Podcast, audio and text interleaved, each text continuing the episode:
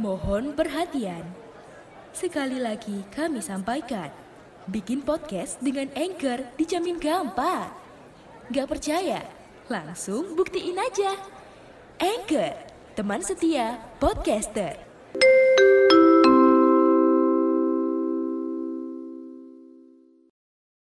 Qatar telah mengukir sejarah, yaitu menjadi negara terkecil yang pernah menjadi tuan rumah event sepak bola terbesar di dunia, yaitu FIFA World Cup tahun 2022 ini. Tentu saya tidak akan membahas hasil pertandingannya karena ini bukan konten olahraga ya.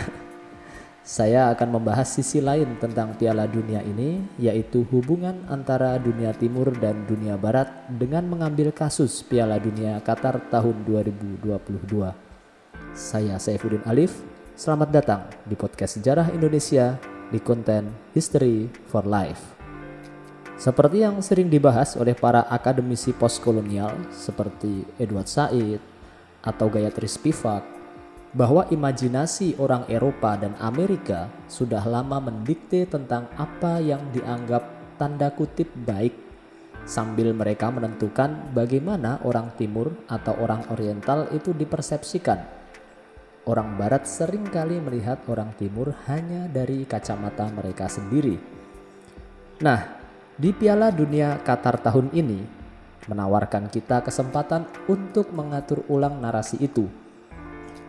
Qatar memang sudah mempersiapkan Piala Dunia edisi ke-22 ini dengan sangat serius dan menjadikannya sebagai ajang untuk pameran skala global dengan memanfaatkan pendapatan dari industri hidrokarbonnya untuk memodernisasi infrastruktur negara, terutama jalan, transportasi, dan teknologi.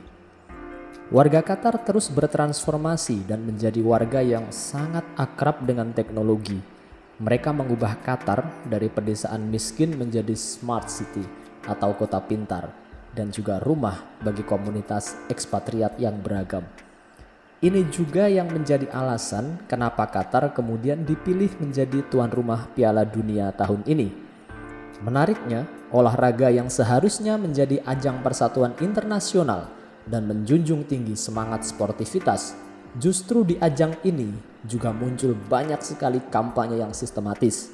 Bahkan sampai hari ini, mulai dari isu buruh yang dipekerjakan melebihi jam kerja normal, isu LGBT, pelarangan alkohol, sampai persoalan rasial mewarnai gelaran pesta sepak bola ini.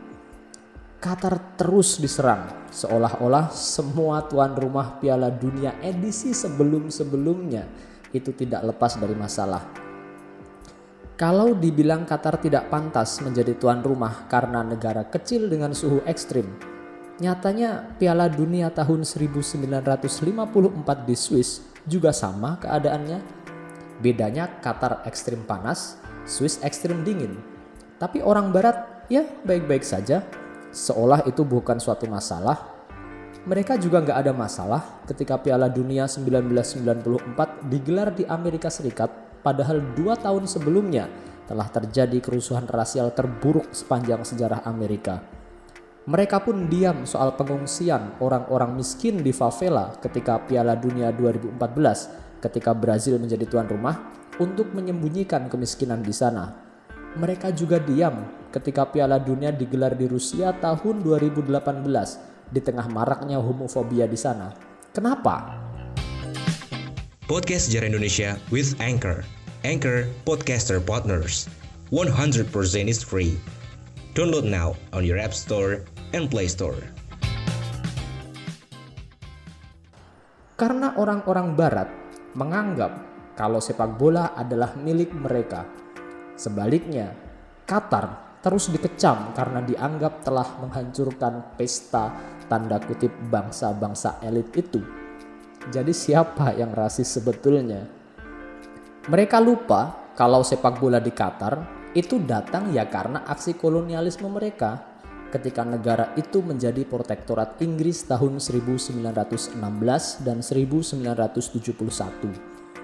Cuma memang kajian postkolonial dalam sepak bola masih sangat sedikit ya Padahal banyak legenda sepak bola yang muncul dari kaum pinggiran atau kaum subaltern.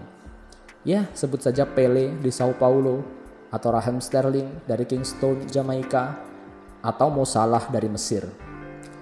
Orang Barat melempar isu rasial ke Qatar seolah-olah mereka sudah selesai dengan masalah itu.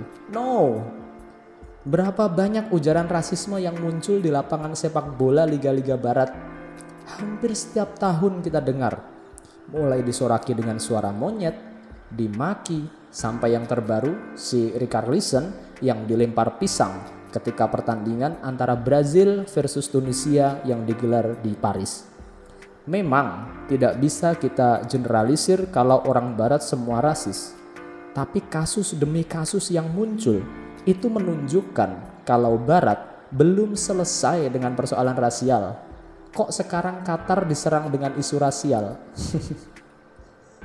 Oleh karena itu, Piala Dunia Qatar ini bisa kita jadikan panggung untuk mendekolonisasi pemikiran bias tentang dunia timur, khususnya Arab dan Islam.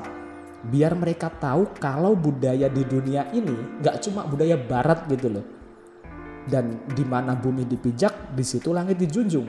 Kan begitu seharusnya. Contoh lain soal stadion bebas alkohol misalnya.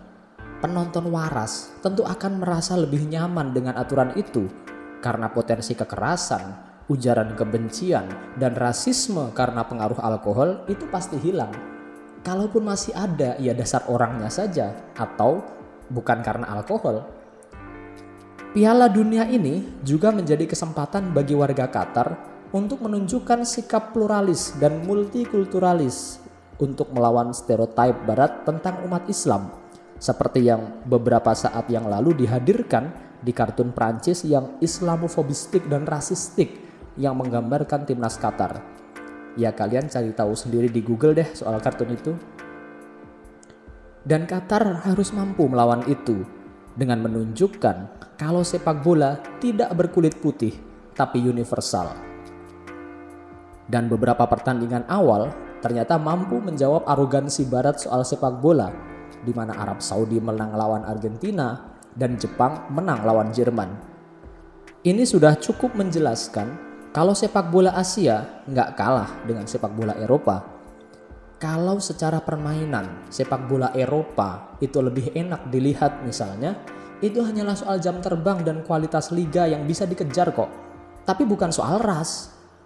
Dan di akhir podcast ini kita harus sadar bahwa Piala Dunia harus menjadi ruang bersama untuk modernitas baru yang universal. Tidak berkulit putih, tidak berkulit hitam, tidak berkulit apa-apa.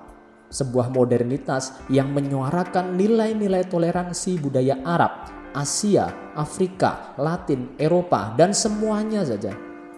Bahwa keberagaman adalah suatu kenyataan yang tidak bisa dihindarkan dan tidak bisa dipaksakan. Maka toleransi dengan saling menghormati dan saling memahami adalah satu-satunya jalan. Terima kasih buat sobat masa lalu yang sudah setia mendengarkan podcast dari kami. Sampai jumpa di episode-episode yang lain. Jangan lupa download Anchor dan Spotify supaya kalian mendapatkan pengalaman ngepodcast dengan cara kekinian. Saya Saifuddin Alif undur diri. See you.